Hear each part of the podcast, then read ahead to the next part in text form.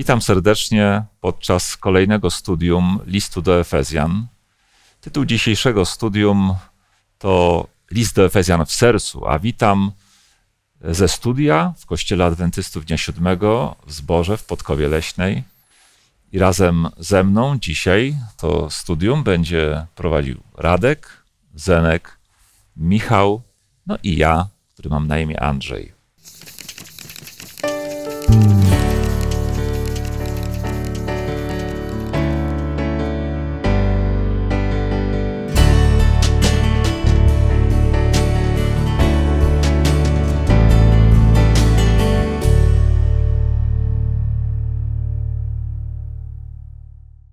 Każde studium Pisma Świętego rozpoczynamy od modlitwy. Chcemy prosić Ducha Świętego o to, żeby napełnił nas, żebyśmy zrozumieli to, co Pan kiedyś przez Ducha Świętego zapisał.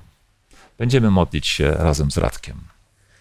Drogi Panie, dziękujemy Ci za tę możliwość, że teraz będziemy mogli dyskutować o Twoim słowie, o bardzo ważnych sprawach. Dziękuję Ci, Panie, że ty dałeś nam Biblię, z której możemy się uczyć, że dałeś nam list do Efezjan, który przez cały kwartał mogliśmy studiować. Dziękujemy Ci za to, Panie, i dziękujemy Ci za wszystkich, którzy nas słuchają. Proszę, Ty daj Ducha Świętego nam, daj Ducha Świętego im, by to studium, to wszystko, o czym rozmawiamy, to co będziemy czytać, mogło wywierać na nas wielki, mocny wpływ, który będzie nas przemieniał. O to prosimy w drogim imieniu Jezusa Chrystusa. Amen. Amen. Amen. Koledzy, na początek cieszę się, że mogę z wami się dzisiaj spotkać. Wzajemnie. Kończymy studium tego kwartału, kończymy studium listu do Efezjan, chociaż na pewno jego prawdy pozostaną z nami jeszcze bardzo długo. Zastanawiałem się, y, skąd u autorów studium tego tygodnia wziął się ten tytuł. List do Efezjan w sercu. Macie jakieś sugestie? Mam. Zanku, jaką? Są takie dwa magazyny w naszym wnętrzu. Jeden to jest głowa, a drugi to jest serce. A one różnią się tym, że można mieć coś w głowie, ale nie będzie to miało zastosowania w życiu. Natomiast to, co jest w sercu, to ma dopiero zastosowanie w życiu. E, przywołam słowa mhm. Pana Jezusa: co w sercu, to i na języku. Mhm. Z obfitości serca mówią usta. Um, dziękuję Ci bardzo. Zostawmy więc już tytuł. E, to dzisiejsze studium, takie podsumowujące cały kwartał, będzie właściwie przeglądem najważniejszych myśli każdego e, z sześciu rozdziałów tego, tego listu. Pewnie każdy z Was ma jakieś zaznaczone e, w szczególny sposób teksty, a jeśli nie, to przynajmniej zapamiętaliście je. E, co z pierwszego rozdziału, gdzie jest mowa o, o Bożym planie zbawienia, gdzie jest mowa o też pewnej modlitwie apostoła Pawła, przynajmniej śród tytułami, e, na nich się skupiając, idąc. Co do Was przemawia, przemawia szczególnie? Na pewno to, co wspomniałeś, Andrzeju, e, ten dzisiejszy materiał to nie jest analiza poszczególnych rozdziałów, bo to robiliśmy przez minione 13 y, odcinków y, szczegółowo. Y, I bardzo cenna jest właśnie ta, ten przegląd dzisiejszy, ale myślę, że to, co właśnie Andrzej wspomniałeś, każdy z nas w Biblii ma e, zaznaczone takie perełki i wcale nie znaczy, że to, co jest zaznaczone w mojej Biblii, musi być zaznaczone e, w Twojej Biblii. No to dajesz, zobaczę, co zaznaczyłeś w swojej. w mojej Biblii, w tym pierwszym rozdziale zaznaczyłem, mam rzeczywiście tutaj to, to podkreślenie tej modlitwy. Dla mnie ona jest taką taką kluczową, taką wstępną, wstawienniczą modlitwą, aby Bóg oświecił oczy serca waszego. Prawda? Nie głowy, ale serca. 18 werset, tak? Tak. I to, i to, jest, ta, to jest ta istota właśnie, że jeżeli mówimy o świetle, to żebyśmy szli w światłości, prawda? Całe Pismo Święte mówi. I tu jest ta modlitwa o to oświecenie oczu serca, okay. abyśmy wiedzieli, do czego powołani Ale tak jak ja się zgadzam, pięknie, ale jakby poszedłeś tak już troszeczkę dalej, natomiast w pierwszych 14 wersetach, czy jest coś, co was zwróciło waszą uwagę? W dzisiejszej Biblii Gdańskiej w pierwszym rozdziale, w siódmym, ósmym wierszu czytamy, którym mamy odkupienie przez Jego krew, odpuszczenie grzechu według bogactwa Jego łaski, której nam hojnie udzielił we wszelkiej mądrości i roztropności. Podoba mi się to stwierdzenie we wszelkiej młodości i roztopności, ponieważ kieruje nas y, to, to wyrażenie do zagadnienia, które też będziemy dziś nieco dotykać, mianowicie tego, jak żyć prawda, z Bogiem razem, kiedy jesteśmy już odrodzeni, w jaki sposób roztropnie żyć i mądrze na co dzień, że to jest powiedziane, że również Bóg to daje. A mnie w tym fragmencie, który zacytowałeś, y, w przekładzie z kolei Biblii Ekumenicznej, siódmy werset, E, interesuje bardzo owo uwolnienie od grzechów. Czytamy, w nim mamy odkupienie w Chrystusie, przez Jego krew uwolnienie od grzechów dzięki bogactwu Jego łaski. Myślę, że kwestia łaski Bożej jest czymś, co dominuje w całym tym e, liście. W drugim rozdziale będzie chyba najmocniej z całego mhm. Pisma Świętego mhm. to wyrażone, ale ten fragment pokazuje też ponadczasowość tego listu do Efezjan -hmm. i uniwersalność, że to nie tylko do Efezjan, bo czy tylko Efezjanie grzeszyli? Czy tak naprawdę y, my się nie borykamy wszyscy z grzechem? Nie wszyscy to tak nazywamy. Y, y, powiedziałbym, ludzie kościelni, chrześcijanie nazywają pewne zachowania grzechem, nie wahają się tego tak nazwać. Ludzie nie chrześcijanie, nie kościelni, no, nazywają to różnymi upadkami, problemami, wadami, czegoś, z czego chcieliby się pozbyć. 31 grudnia sobie zawsze przyrzekają, że od 1 stycznia już pewnych rzeczy robić nie będą. I tu jest odpowiedź na to, że żadne magiczne daty nie uwalniają nas od grzechów, jak tylko przez Jego krew, przez Jego ofiarę możemy być uwolnieni od grzechów. Nie na tydzień, na dwa, ale na może wieczność? Mhm. Y oprócz tego, co, o czym wspomniałem, dla mnie osobiście mhm. taką perełką w pierwszym rozdziale to jest ten fragment modlitwy apostoła y, o to oświecenie, y, to w tym pierwszym rozdziale zwrócę uwagę na dwie rzeczy. Poprzedzę to ostrzeżeniem apostoła Piotra przed czytaniem trudnych listów apostoła Pawła. Jest mhm. takie ostrzeżenie. Jest. I dlatego e, spotykamy się w chrześcijaństwie e, na podstawie pierwszego rozdziału e, listu apostoła Pawła do Efezjan są wysuwane dwie, dwie, dwie nauki.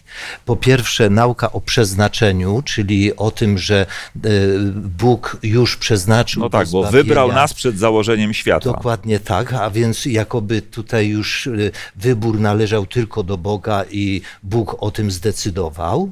E, to ta nauka o przeznaczeniu, o predestynacji, jednym z argumentów. No ale nie jest tak? No nie, zdecydowanie nie. To jest wybrał nas przed założeniem ale, no, świata. wyrwany z kontekstu. O tym no, jeszcze Wyrywam trochę później. z kontekstu, tak. żeby cię trochę pobudzić bardziej. Na pewno. Ale ja tylko sygnalnie, bo ja myślę, że ci, kiedy przedtem studiowaliśmy, analizowaliśmy te listy, na pewno było to rozważane szerzej. E, a druga rzecz y, z tego wersetu, też dosyć popularna wśród niektórych chrześcijan, jest nauka o nieutracalności zbawienia. No tak, no bo skoro wybrał do zbawienia, to znaczy, że raz zbawiony, na, na zawsze, zawsze zbawiony. zbawiony. Więc... Ale podkreślmy, że to nie jest prawda. Więc dlatego y, właśnie ostrzeg ostrzegamy, y, że y, nauka o nieutracalności zbawienia jest nie do obronienia w kontekście nawet listów apostoła Pawła, czy wszelkich innych apokalipsy o wymazaniu z księgi życia i tak dalej. Mhm. Dlatego tylko sygnalnie tutaj wspominamy, bo sumujemy całe studium, sygnalnie wspominamy, że, że wyrywając z kontekstu pewne rzeczy, można stworzyć pewną naukę, nawet logiczną, ale niekoniecznie prawdziwą. Ja w każdym razie, gdy czytam, że wybrał nas przed założeniem świata, abyśmy stanęli przed Nim w miłości świę, święci i nieskazitelni, dla mnie jest e, tutaj, to są takie słowa pełne nadziei, e, które pokazują, że On mnie wybrał nie dlatego, że ja byłem święty i nieskazitelny, przed spotkaniem z nim i dlatego mnie takim wybrał i dlatego Ani mnie też wybrał. nie mówi, że ale- taki musisz się stać. Ale wybrał mnie po to, żebym się takim stał. I znów nie z moich uczynków, o czym nam drugi rozdział y, y, pokaże, ale z jego łaski. Ja może tak w nawiązaniu do tego pozwoliłbym sobie zadać pytanie, kogo Bóg nie wybrał? Bo to myślę, że jest istotna kwestia. Tak podsumowując naukę całego Nowego Testamentu, pokazane jest tam pragnienie Boga, żeby zbawić każdego człowieka. Ewangelia stary- 16. Dokładnie. Stary Bóg Testament Umiłował Cały świat umiłował, Bóg każdego chce zbawić i wydaje mi się, że ten tekst moglibyśmy odnieść do tego, że Bóg wybiera każdego człowieka, tylko pytanie, czy każdy człowiek to wybranie przyjmuje. Czyli do, zba, do, do zbawienia są wybrani wszyscy, żeby byli nieskazitelni, tyle tylko, że nie wszyscy to przyjmują. Stąd ci, którzy to przyjęli, nazwani są wybranymi, bo wzięli i to przyjęli. Prawda? Dobrze, zostawmy już pierwszy rozdział za nami. Drugi rozdział. Pierwszy rozdział możemy zostawić, ale początek drugiego rozdziału, tak jak mówiłeś już, łączy się z tym pierwszym. Przynajmniej odpowiada na, na zagadnienie predestynacji, ponieważ tak jak przed chwilą powiedzieliśmy, chociażby dziesiąty wiersz mówi, że jesteśmy bowiem Jego dziełem stworzeni w Chrystusie Jezusie do dobrych uczynków, które przedtem przygotował Bóg, abyśmy w nich chodzili. Cały ten początek tego drugiego rozdziału mówi o zbawieniu z łaski przez, przez wiarę wyłącznie, prawda?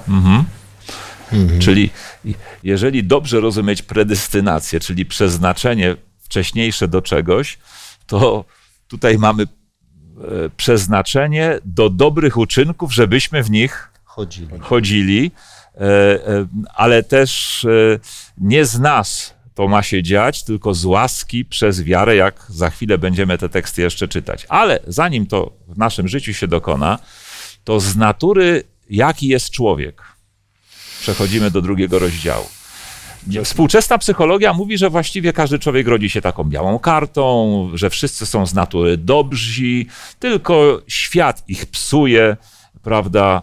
E, Rodziny, środowisko. e, I często tym się usprawiedliwiamy e, w tym wszystkim. Ale jaka jest prawda Boża w, tej, w, tym, w tym przedmiocie? No, początek drugiego rozdziału listu do Efezjan pokazuje stan człowieka bez Boga jako naprawdę ciemną rzeczywistość. I, i wydaje mi się, że tutaj no, mocniejszego obrazu, moc, mocniejszy obraz ciężko jest y, dać niż właśnie, tak jak apostoł Paweł przedstawia to jako śmierć, jako, jako bardzo mocne wydarzenie. I, I tutaj właściwie dochodzi do takiego paradoksu, bo, bo apostoł Paweł y, mówi o ludziach, którzy żyją, ale którzy są umarli. Mhm. Umarli przez to, że, że grzeszą, że postępują w sposób niesprawiedliwy. umarli wskutek występków, grzechów. E, Trzeci werset mówi, że ulegaliśmy my wszyscy kiedyś pożądaniom naszego ciała, spełniając wolę ciała, umysłu, z natury byliśmy dziećmi gniewu, podobnie jak wszyscy inni. To podobnie jak wszyscy inni e, kojarzy mi się też z z listem apostoła Pawła, ale do Rzymian, gdzie powiedział, nie ma ani jednego sprawiedliwego, wszyscy zgrzeszyli i brak im chwały Bożej z natury, jak wszyscy byliśmy dziećmi, dziećmi gniewu. Gniewu jakiegoś rodzaju buntu przeciwko Bogu, zbuntowani ciągle, prawda, e, niezadowoleni. Taka jest nasza natura. Ale czy taka ma być nasza natura? Nie, Zdecydowanie nie, odpowiadając na to pytanie.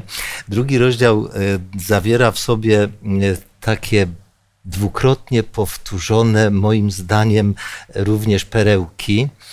E, Kontrastuje, co było i co jest teraz. E, Potocznie częstokroć używamy słowa ale, nie zdając sobie sprawy z jego funkcji. Popatrzcie, e, mówimy, chętnie przyjechałbym do ciebie, ale mam ważniejsze rzeczy.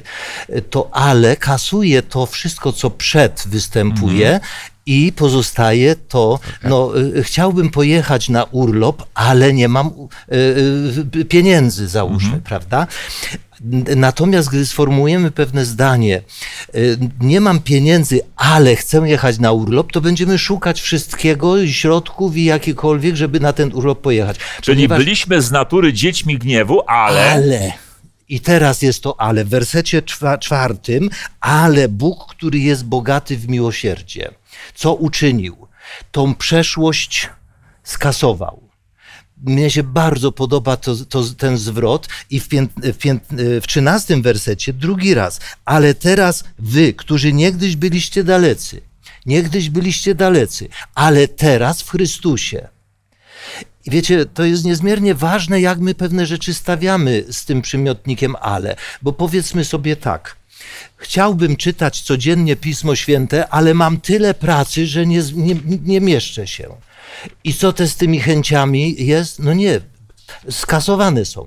Gdy powiem, ja mam tyle pracy i tyle zajęć, ale chcę codziennie czytać Pismo Święte, będę robił, bo zawsze będę robił to, co, co formułuję po ale. To, co przed ale powinno być skasowane. I w, tym, w tych dwóch kontrastach Paweł tutaj mówi, co było przed, ale co jest teraz.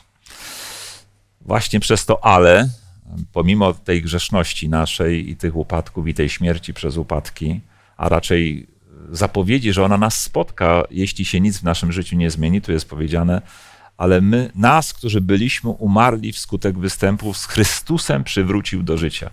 Pismo Święte wiele mówi o zmartwychwstaniu Chrystusa, że ona jest zapowiedzią zmartwychwstania po, powszechnego wszystkich wierzących ale też mówi o pewnym zmartwychwstaniu duchowym, które już dzisiaj się odbywa. Już dzisiaj może mieć miejsce, gdzie, jest to nowe życie. gdzie staremu życiu, y, stare życie zostanie zastąpione przez nowe. To będzie w czwartym E, rozdziale. Tak, to, do tego jeszcze dojdziemy, a wszystko to dzieje się za sprawą łaski Bożej. Czy o niej chcesz, Michale, powiedzieć? E, Niekoniecznie o łasce w, e, W tej chwili. W tej chwili akurat, ale em, odnosząc się do, do Twojego pytania, em, pytałeś em, o to, jaka jest natura ludzka i tak dalej. W Piśmie Świętym czytamy, że zepsute jest serce zwodnicze, prawda upadłe i tak dalej. Odnosząc, Księga Jeremiasza. tak, odnosząc się na sekundę jeszcze do tytułu, dlatego tym bardziej nowego znaczenia nabiera nasz y, tytuł naszego studium, aby list do Efezjan był w sercu, właśnie w tym upadłym, tym zepsutym, które ma być odtworzone, ma być na nowo narodzone przez łaskę, którym już ten list do Efezjan, jego prawdy i całego Pisma Świętego będzie już wyryty, będą już wyryte. A zwłaszcza takie, takie zdania od ósmego wersetu drugiego rozdziału czytając, które są moimi ulubionymi w tym liście i jednymi z najbardziej ulubionych w Piśmie Świętym całym. Łaską przecież jesteście zbawieni przez wiarę. Nie z was to pochodzi, lecz jest darem Boga. Nie z powodu uczynków, aby się nikt nie chlubił. Przez Niego bowiem zostaliśmy stworzeni w Chrystusie Jezusie do dobrych uczynków, do które, które Bóg wcześniej przygotował, abyśmy w nich postępowali. Zbawienie z łaski, nie z uczynków. Nie musimy zarabiać na swoje zbawienie dobrymi uczynkami, choć tych dobrych uczynków Bóg od nas oczekuje, kiedy przyjmiemy od Niego Jego, e, jego łaskę. Y, Ja pozwolę sobie jeszcze, wr- wracając do tych dwóch e, scen od pierwszego wersetu do dziesiątego i później od jedenastego dalej, gdzie Paweł kontrastuje pewne rzeczy, nie trudno zauważyć, że pierwszy fragment mówi o indywidualnym życiu każdego, który przez upadki był martwy, ale w Chrystusie dostąpił tego zmartwychwskrzeszenia do nowego życia. Na, i, I to ale tam występuje jako ten kontrast. Natomiast w drugiej części od 11 Paweł porusza pojednanie dwóch nacji bo mówi o poganach, mówi o ludziach, którzy przez wieki byli przez naród Boży wybrany pogardzani y, i niedopuszczani wręcz, mimo tego, że już od starożytności zamiarem Boga było, że, że Ewangelia przez naród izraelski miała dotrzeć do krańców świata. Ona nie była tylko zarezerwowana wyłącznie dla tego jednego narodu. I ten jedenasty, od jedenastego wersetu, ten, ta druga część rozdziału drugiego y, jest przepięknym argumentem na pojednanie w Chrystusie nacji. Tego, co później też w innym liście powie, już nie ma znaczenia e, nacja, czy Polak, czy Grek, czy Żyd i tak dalej. E, więc, więc my dzisiaj też borykamy się, niestety borykamy się z nacjonalizmem, e, prawda, w mniejszych czy w, czy, czy w większych przypadkach i to nie tylko narodowym, ale nacjonalizmem religijnym również, bo jako ludzie mamy skłonności troszkę do takiego elitaryzmu i poczucia, że jesteśmy lepsi niż inni, bo robimy coś, czego inni nie robią. E, dziękuję. Chciałeś kon- Tak, tak. I właśnie tak Pociągnąć? kontynuując tę myśl, y, apostoł Paweł pokazuje to połączenie tych dwóch narodów y, poprzez, poprzez pewien obraz znany ze świątyni jerozolimskiej. Mówi, że Chrystus w swoim ciele połączył jednych i drugich i zburzył dzielący ich mur nieprzyjaźni. Gdybyśmy zainteresowali się trochę właśnie, jak wyglądała świątynia w, w czasach, e, gdy, gdy Pan Jezus chodził po tej ziemi, zauważylibyśmy, że e, było tam takie miejsce jak dziedziniec Pogan, który oddziel, oddzielony był od reszty świątyni takim półtora metrowym murem, na którym można było znaleźć tabliczki, że jeśli jakiś poganin przekroczy e, dalej ten mur, no to sam będzie winny swojej śmierci. Więc widać, w Mhm. jaki sposób były skonstruowane relacje Żydów z poganami w tamtym czasie. Chrystus to burzy i, i ten mur apostoł Paweł odnosi do prawa przykazań e, w postanowieniach, które uznał za bezużyteczne. Niektórym wydaje się, że chodzi tutaj o prawo moralne, o 10 przykazań. Natomiast jak później zauważymy w liście do Efezjan, apostoł Paweł odnosi się do prawa moralnego jako do czegoś dobrego, z czego mamy czerpać naukę, więc Ale my nie musimy się nawet później, to Tak. nawet w tym samym liście, Oczywiście. troszkę wcześniej powiedziane jest, ten, ten, ten e, drugi rozdział od 11 wersetu, dlatego pamiętajcie, że, nieg, że niegdyś wy, e, wy, poganie według ciała, nazywani nieobrzezanymi przez tych, którzy nazywają siebie obrzezanymi, bo są na ciele ręką ludzką obrzezani, byliście w tamtym czasie bez Chrystusa wyobcowani. Innymi słowy, życi każdego nieobrzezanego, nieobrzezanego według przepisów prawa mojżeszowego, traktowali jako obcego, z którym nie należy mieć kontaktów, rozmów, nawet jadać z nimi. Apostoł Paweł sam przecież, e, e, Z czasów Chrystusa ten nawet nie. Paweł, Piotr, Mhm. e, mówi, wy wiecie, prawda, jak w, domu Korneliusza, że, że Żydowi nie wolno w ogóle rozmawiać z poganami, wchodzić do ich domu, jadać z nimi. Mhm, E, ale czy rzeczywiście nie było im wolno, czy oni tak źle zrozumieli słowa choćby Starego Testamentu? Czy Abraham nie, był na, nie, nie miał być nazwany ojcem wszystkich narodów? Ja myślę, Andrzej, że nie tylko, że źle zrozumieli, ale odrzucili pewne rzeczy. Ja zacytuję dwa fragmenty proroka Izajasza z 42 rozdziału, werset 5 i 6. Tak powiedział Pan Bóg, który stworzył niebo, rozposta, rozciągnął ziemię wraz z jej płodami, daje na niej ludziom wszystkim tchnienie, a dech życiowy tym, którzy po niej chodzą. Ja, Pan, powołałem Cię w sprawiedliwości, ten swój lud y, i ująłem cię za rękę, strzegę cię i uczynię cię pośrednikiem przymierza z ludem, światłością dla narodów. A w 49 rozdziale jest jeszcze dosadniej ta misja określona. Y, Piąty i szósty werset. Teraz zaś mówi Pan, który mnie stworzył swoim sługą od poczęcia, aby nawrócić do niego Jakuba, zebrać dla niego Izraela, gdyż jestem uczczony w oczach Pana, a mój Bóg stał się moją mocą. Mówi. To za mało, że jesteś mi sługą, aby podźwignąć plemiona Jakuba i przywrócić oszczędzonych synów Izraela. Więc ustanowiłem cię światłością pogan, aby moje zbawienie sięgało aż do krańców ziemi. Właśnie, czyli i, i to jest to, czego Żydzi w tamtych czasach nie rozumieli. Nawet chrześcijanie, którzy pochodzili z Żydów, mieli na początku jeszcze takie opory, ale apostoł Paweł i nawet nazywa to apostoł Paweł pewną tajemnicą, którą przyszedł im objawić, yy, która tak naprawdę nie była tajemnicą, gdyby uważnie czytali Pismo Święte, yy, te teksty, które nam chociażby przed chwilą yy, przypomniałeś, ale on powiedział, to już nie jest tajemnica, prawda? Bogu, Bogu zależy na zbawieniu waszym, Żydów, chrześcijan pochodzących z Żydów, tak samo jak na zbawieniu pogan, bo Bóg chce ostatecznie doprowadzić do pojednania. Pierwszy rozdział, ja ten werset dominąłem, ale tam jest powiedziane, że kiedy nastanie już pełnia czasów, dziesiąty werset, Chrystus stanie się na nową głową wszystkiego, co jest na niebiosach i tego, co jest w nim na, na ziemi.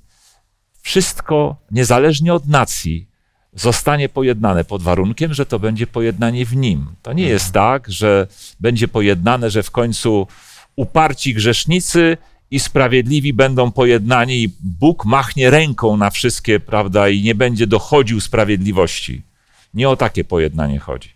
Chodzi o pojednanie w nim, niezależnie od nacji, e, płci, prawda, innych dzielących nas e, e, rzeczy, poglądów różnych, w nim mhm. ostatecznie wszyscy będziemy pojednani. Dlatego podnoszenie dzisiaj różnych tego typu, różnych podziałów, prawda, z perspektywy chrześcijańskiej jest nielogiczne, niewłaściwe. Ale zostawmy, idźmy dalej, bo przed nami trzeci rozdział. Apostoł. Ale Andrzeju, pozwól jeszcze jedną rzecz, bo ona nam się przyda Dobrze. właśnie w czwartym rozdziale. W, w rozdziale tym drugim jeszcze podkreślić chcę werset dziewiętnasty, gdzie apostoł Paweł przekonuje, wierzących, wszystkich, mhm. tutaj już niezależnie, że już, a przede wszystkim kieruje to do tych traktowanych jako obcych pogan, tak już nie jesteście obcymi i przychodniami, lecz współobywatelami świętych i domownikami Boga, czyli Bożą rodziną. E, o tym, o tym, o tej rodzinie jeszcze później będę mhm. chciał też coś A z tego fragmentu dla mnie jest istotne, że, że jesteśmy wzniesieni na fundamencie apostołów i proroków.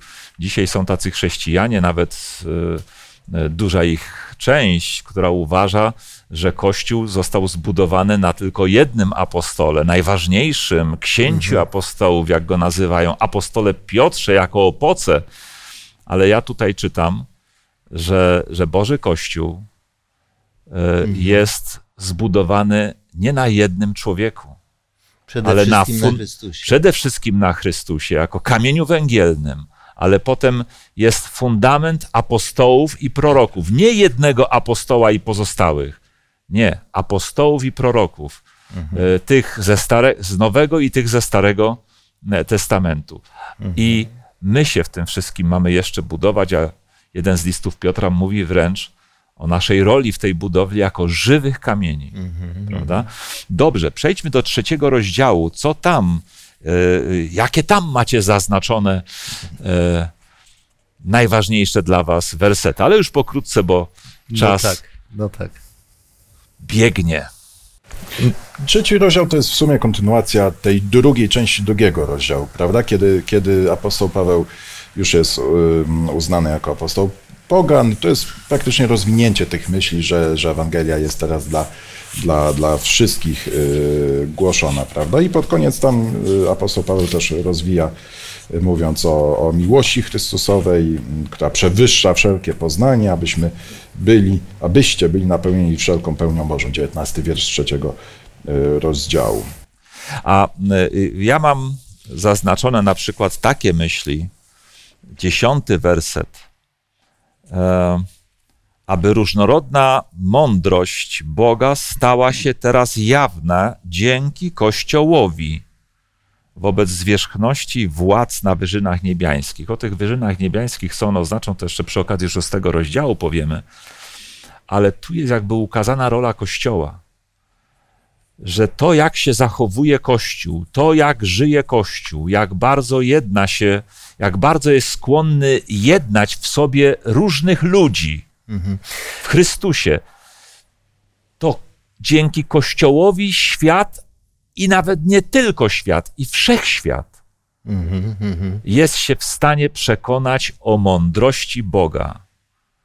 Kościół jest narzędziem, by usprawiedliwić Boga e, wobec oskarżeń, które, popatrzcie, przecież wystarczy posłuchać, co ludzie mówią jakikolwiek Boga. kryzys się wydarzy, czy w świecie, czy w ich indywidualnym życiu, ludzie zaraz oskarżają Boga o niesprawiedliwość. Obojętność. Albo o obojętność, że widzi i nie grzmi, albo mhm. o niesprawiedliwość. Dlaczego mnie są gorsi ludzie? Mhm. Prawda? Mhm. I, I teraz Kościół, czyli my wszyscy, jesteśmy mhm. powołani, by naszym życiem dowodzić jednak mądrości Bożej w tym, co się dzieje i w tym, jak Bóg działa. Mhm. E, w tym trzecim rozdziale jest y, niejako w skrócie zapisana druga modlitwa apostoła Pawła, bo w pierwszym mieliśmy y, pierwszą jego modlitwę. Y, ta druga jest no, rewelacyjna również. Dla mnie, jeśli tak wspominamy, ja mam zaznaczone w tym trzecim rozdziale więcej wersetów, ale podkreślę 17 i 21. 17 to jest o Chrystusie, który ma zamieszkać przez wiarę w naszych sercach. I to jest niezmiernie ważne pytanie, bardzo osobiste. Y, drodzy słuchacze, stawiam to pytanie y, dzisiaj po raz kolejny sobie i po raz kolejny Tobie.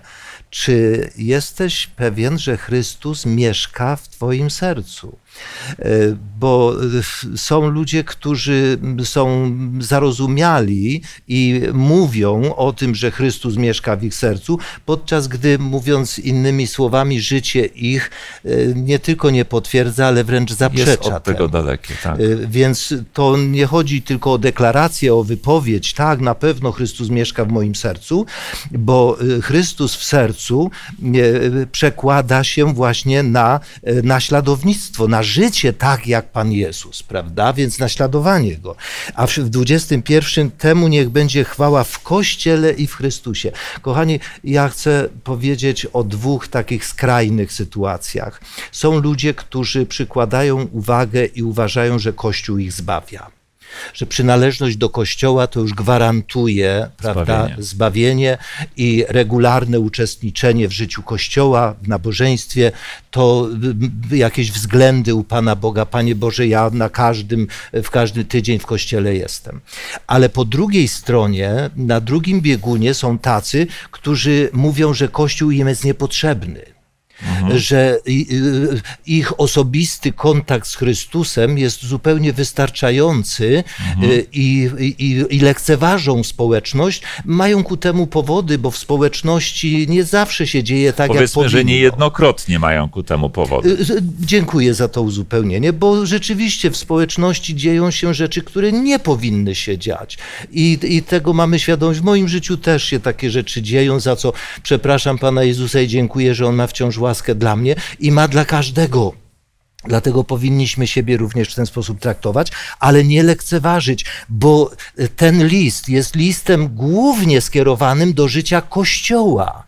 A Kościół przecież to, to, to, to poszczególne jednostki, które ten Kościół tworzą. Cytowałeś 21 werset, a ja chciałem jeszcze przypomnieć 20, który mówi: Temu zaś, który mocą działającą w nas może uczynić więcej niż to, o co prosimy lub, o co, lub co zdołamy sobie wyobrazić.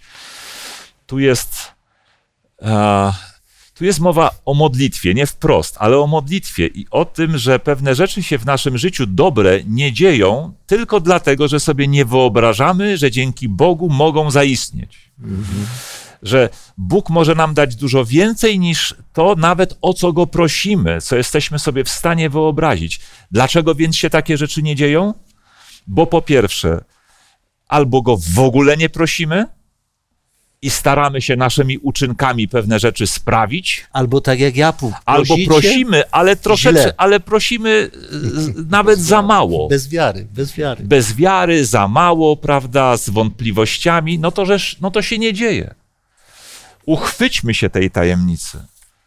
Prośmy, y, prośmy o rzeczy, których sobie nawet nie wyobrażamy, że się mogą z naszym życiu dziać, które y, byśmy traktowali w kategorii cudu, mhm. które przekraczają nasze wyobrażenia. Prośmy, a one zaistnieją. Mhm. Prawda? Rozdział czwarty jest zachętą do jedności, jedności właśnie w kościele, no bo Powiedziałeś, że Kościół jest ważny. Wielu ludzi się od Kościoła odwraca, bo w Kościele ze strony innych ludzi spotkały ich yy, przykrości, przykrości mhm. albo czymś się yy, zgorszyli. Jak można do tej jedności w Kościele, bo pamiętajmy, przez Kościół i jedność panującą w Kościele świat może przekonać się o mądrości Boga. Mhm. Prawda? Jak można do tego nie wiem, wypracować tę jedność, dojść do tej jedności. Co czwarty rozdział wam na ten temat mówi? Gdzie znajdujecie tam te recepty na jedność między bardzo różnymi ludźmi? Tam, Żydami i poganami. Dzisiaj, Mającymi swoje wady. tak, tudzież różne poglądy. Y, Jak osiągnąć taką jedność? Mogę? Proszę. Widzę, że cię nie zatrzymam.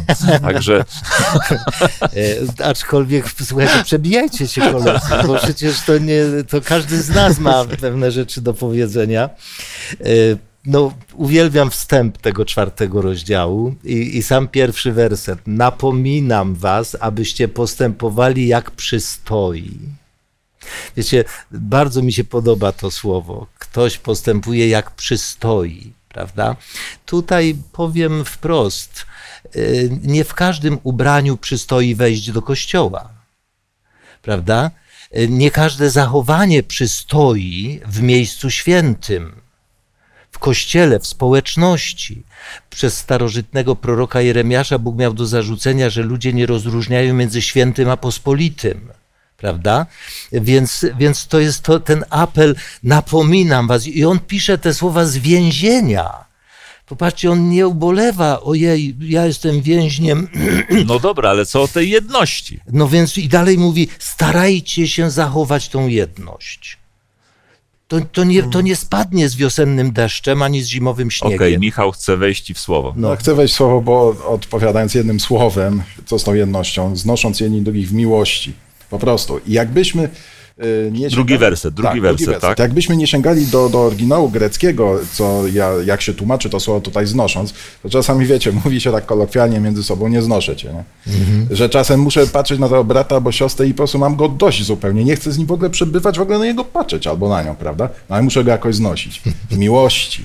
Mimo, że on jest jaki jest, ale przez miłość, którą Bóg mi daje, ja daję sobie jakoś z nim radę, prawda? I tu, jest, I tu jest powiedziane w wersecie drugim z całą pokorą i łagodnością i cierpliwością znosząc jedni drugich w miłości. Czyli ra, e, receptą na tę jedność jest po prostu to, to nie jest problemem, że on jest jaki jest. To jest problemem, że we mnie być może jest za mało pokory, być może jest za mało łagodności, cierpliwości, wyrozumiałości, bo z kolei końcówka tego rozdziału mówi: bądźcie jedni dla drugich. 32 werset. Łaskawi, miłosierni, przebaczając sobie nawzajem tak, jak Bóg przebaczył wam w Chrystusie. Myślę, że kiedy zrozumiemy, ile mnie osobiście Bóg przebaczył, kiedy taki sobie zrobimy uczciwy rachunek sumienia i ile Bóg musiał mi przebaczyć, to wtedy dużo łatwiej przebaczyć nam, innym, różne zachowania, które nas drażnią, może odstręczają. Do tego potrzeba pokory, cierpliwości, wyrozumiałości i zrozumienia, ile Bóg przebaczył samemu mnie. I wtedy to jest recepta na jedność i przed nami rozdział piąty. Ale, ale jeszcze pozwól, Andrzej, na jedną myśl. Ja ci mogę na wszystko pozwolić, Je- tak, ale czas zegar nie płynie. pozwala. Ale to muszę powiedzieć. Kochani, nie da się tworzyć jedności na odległość. Nie da się tworzyć jedności wirtualnie, przez internet. Ja nie chcę lekceważyć znaczenia przekazu, ale jedność możemy stworzyć wtedy, gdy spotkamy się, gdy uściśniemy rękę, gdy Przytulimy się. przytulimy się do siebie. W ten sposób buduje się jedność, gdy popatrzymy sobie w oczy, gdy jesteśmy blisko siebie. Nie da się, kochani, tworzyć jedności na odległość. A więc jeśli rozumiemy apel apostoła Pawła o tej jedności, to tej jedności, o, o tej jedności on mówi w kościele. I dlatego w tym czwartym rozdziale mówi jeszcze o darach, które w kościele się objawiają, a równocześnie mówi o, apeluje o to, żeby stary człowiek umierał, a ożywał ten nowy. To, to jest właśnie też jedno z głównych przesłań czwartego rozdziału. Odrzućcie starego człowieka, który niszczy samego siebie złudnymi rządzami. Pozwólcie się, by odnowił się duch waszego myślenia. Obleczcie się w nowego człowieka, stworzonego na obraz Boga w sprawiedliwości i prawdziwej świętości. Rozdział piąty z kolei, tam jesteśmy wezwani, żeby wykorzystać czas, bo są dni złe. No myślę, że jak były dni złe za apostoła Pawła, to te dzisiejsze są chyba nie mniej złe, jak się tak przyjrzymy temu, co się dzieje wokół nas, co się dzieje w naszych rodzinach, w rodzinach naszych sąsiadów, znajomych, co się dzieje w Polsce, co się dzieje w świecie, za naszą granicą. No Ale wszyscy apostoł myślimy, Paweł ma bardzo dobrą radę dla rodzin No tutaj jaką? w piątym rozdziale. Werset 21. Bądźcie poddani jedni drugim, trwając w bojaźni Chrystusa. Mhm. To jest y, ponadczasowa rada i ona była już niezwykła w, w pierwszym wieku, gdy apostoł Mhm. Paweł napisał. Mhm. Właściwie no, ta myśl, ona dalej jest rozwijana do końca rozdziału 5, jeszcze pierwsze dziewięć wersetów rozdziału 6. Tutaj apostoł Mhm. Paweł właśnie reguluje te relacje, jakie powinny panować wewnątrz domu i ten tekst jest, jest trochę podobny do, do takich kodeksów domowych, które w tamtym czasie były pisane, z tym, że posiada właśnie kilka znaczących różnic jedną z tych różnic jest właśnie to, że tutaj to poddanie ma być jedni drugim. Każdy ma być y, sobie wzajemnie poddany i, i nie tylko apostoł Paweł zwraca się tutaj do, do głowy rodziny, ale zwraca się też do... Nie tylko do do- do mężczyzn i innych. kobiet, ich żon, prawda, tak, ale tak. też do, do, do relacji pomiędzy dziećmi a rodzicami, do relacji między niewolnikami a panami, a dzisiaj moglibyśmy tę relację sprowadzić pomiędzy pracodawcami a pracownikami, prawda, żeby nikt nikogo w tych relacjach nie wykorzystywał, Mhm. tak? Co prawda, my mamy taki podział na rozdziały, wersety, jaki mamy, ale nie, nie trudno zauważyć, że tematycznie piąty, 21 wersetów piątego rozdziału jest y, kontynuacją tych przykazań na co dzień, tej końcówki czwartego rozdziału. I teraz końcówka piątego i później szósty rozdział pokazują, gdzie powinny się ćwi, gdzie ludzie powinni się ćwiczyć w tych umiejętnościach prowadzenia takiego życia. I to powinien być dom, miejsce pracy, czyli to, na co tutaj przed chwilą zwróciliście uwagę. Re- relacje między mężem a żoną, relacje między rodzicami a dziećmi, relacje, kochani, w rodzeństwie, między rodzeństwem, dotyczy to rodzin licznych, no, Relacje w kościele relacje między w braćmi i kościele. siostrami Dokładnie, w Chrystusie w kościele, a nawet relacje pomiędzy członkami kościoła a światem zewnętrznym. Dokładnie tak. A więc wszystkie te przestrzenie, bo powiem może zbyt śmiało, ale wiecie, atmosfera w kościele jest taka, jaka jest na co dzień w naszych domach. I to się przekłada później na atmosferę w kościele. Tak. Więc dlatego, jeżeli będziemy dbać o tą atmosferę w naszych domach, w relacjach, w rodzinie, wiecie co często słyszę, ja to mówiłem już nieraz, nawet z kazalnicy powiem tutaj, przyznam się, moja żona mi nieraz mówi, Zenku, ty masz więcej cierpliwości do ludzi obcych niż do mnie. I wielu ludzi zauważa, to zauważamy, że stać nas na cierpliwość do ludzi obcych, bo to nie wypada komuś zapyskować obcemu, ale w domu pozwalamy sobie na różnego rodzaju wycieczki i podjazdy. Dziękuję.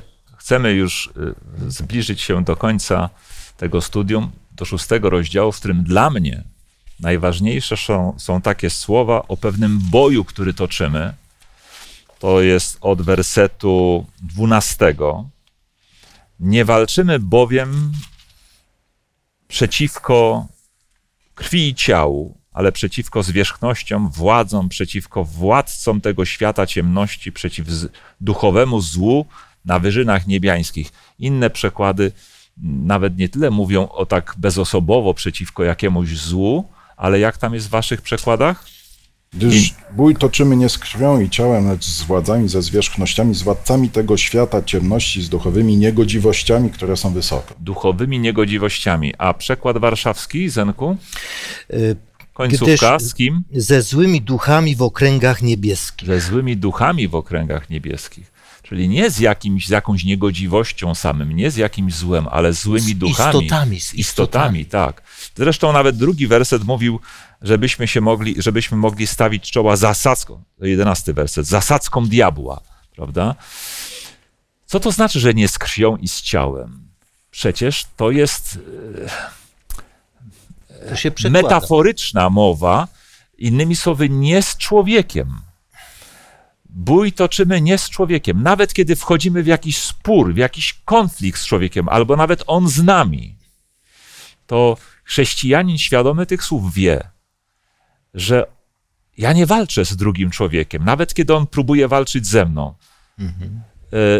Tak naprawdę i z nim, i ze mną, używając tego człowieka, walczy przeciwko mnie i jemu. Mhm. Diabeł. I kiedy ja myślę, że gdy jakiś człowiek występuje przeciwko mnie, to że on występuje przeciwko mnie i przeciwko niemu ja kieruję jakąś swoją złość, gniew, może nienawiść, to tak naprawdę dałem się usidlić w zasadzkę diabelską. Mhm. Nie zauważyłem prawdziwego inspiratora tej wojny, jak tylko wykonawcę. Często ślepego, często nieświadomego, że jest narzędziem w rękach władcy marionetek. Tak? I tu jest powiedziane, żebyśmy mieli tego świadomość, że nie ludzie są naszym wrogiem. Wszyscy mamy jednego wroga, którym jest diabeł. Chrystus go zwyciężył. Chrystus daje nam całą tu zbroję Bożą, żeby się temu oprzeć, a jednym z elementów tej walki jest też modlitwa, werset 18. Wszelką modlitwą i błaganiem módlcie się w każdym czasie w duchu i w nim czuwajcie wytrwale, błagając za wszystkich świętych i za mnie. Mhm. Innymi słowy, modlitwą możemy zwyciężać, nawet modlitwą za naszych wrogów. Dokładnie. I ostatnią myśl, ostatnią podziel się z nami. więc to ja często powtarzam i w poprzednim studium też to podkreśliłem, że to jest walka nieindywidualna, to jest walka wojska. Kościół tutaj Paweł przedstawia jako, jako wojsko. My walczymy nie indywidualnie, sami gdzieś tam na obrzeżach, ale jeśli nauczymy się właśnie tej społeczności, tej więzi, tej, tej e, e, grupowej, e, tego grupowego działania, to o to właściwie chodzi. Dziękuję Wam bardzo za żywe studium. Takie lubię najbardziej, ale chcemy też je zamknąć modlitwą. Modlitwą, do której poprosimy właśnie Zenka. Kochany nasz Ojcze, dziękujemy, że Ty, znając naszą przeszłość, gwarantujesz zwycięstwo. Dotknęliśmy pewnych rzeczy tak bardzo, bardzo tylko niektórych wybiórczo, ale prosimy, aby ta myśl, która była przewodnią myślą tego studium podsumowującego, abyśmy wszystkie Twoje słowa przechowywali w sercu, aby one nie zatrzymały się w głowie, bo może wiedzę mamy dużą, ale niestety nasze serca wciąż jeszcze są wypełnione nie tym, co powinny być. Dlatego dziękujemy, że poprzez apostoła Pawła, który te słowa napisał 19 wieków temu, dzisiaj przemawiasz do nas, do mnie po raz kolejny, abym zastanowił się nad moim osobistym życiem, rodzinnym życiem i społecznym życiem w Kościele. Amen. Amen. Amen. Dziękuję Wam, koledzy. I dziękuję wszystkim naszym widzom e, za to, że byli z nami i przez 13 tygodni śledzili razem z nami e, kolejne e, fragmenty listu do Efezjan. Zapraszamy na nowe studium w następnym tygodniu. Amen.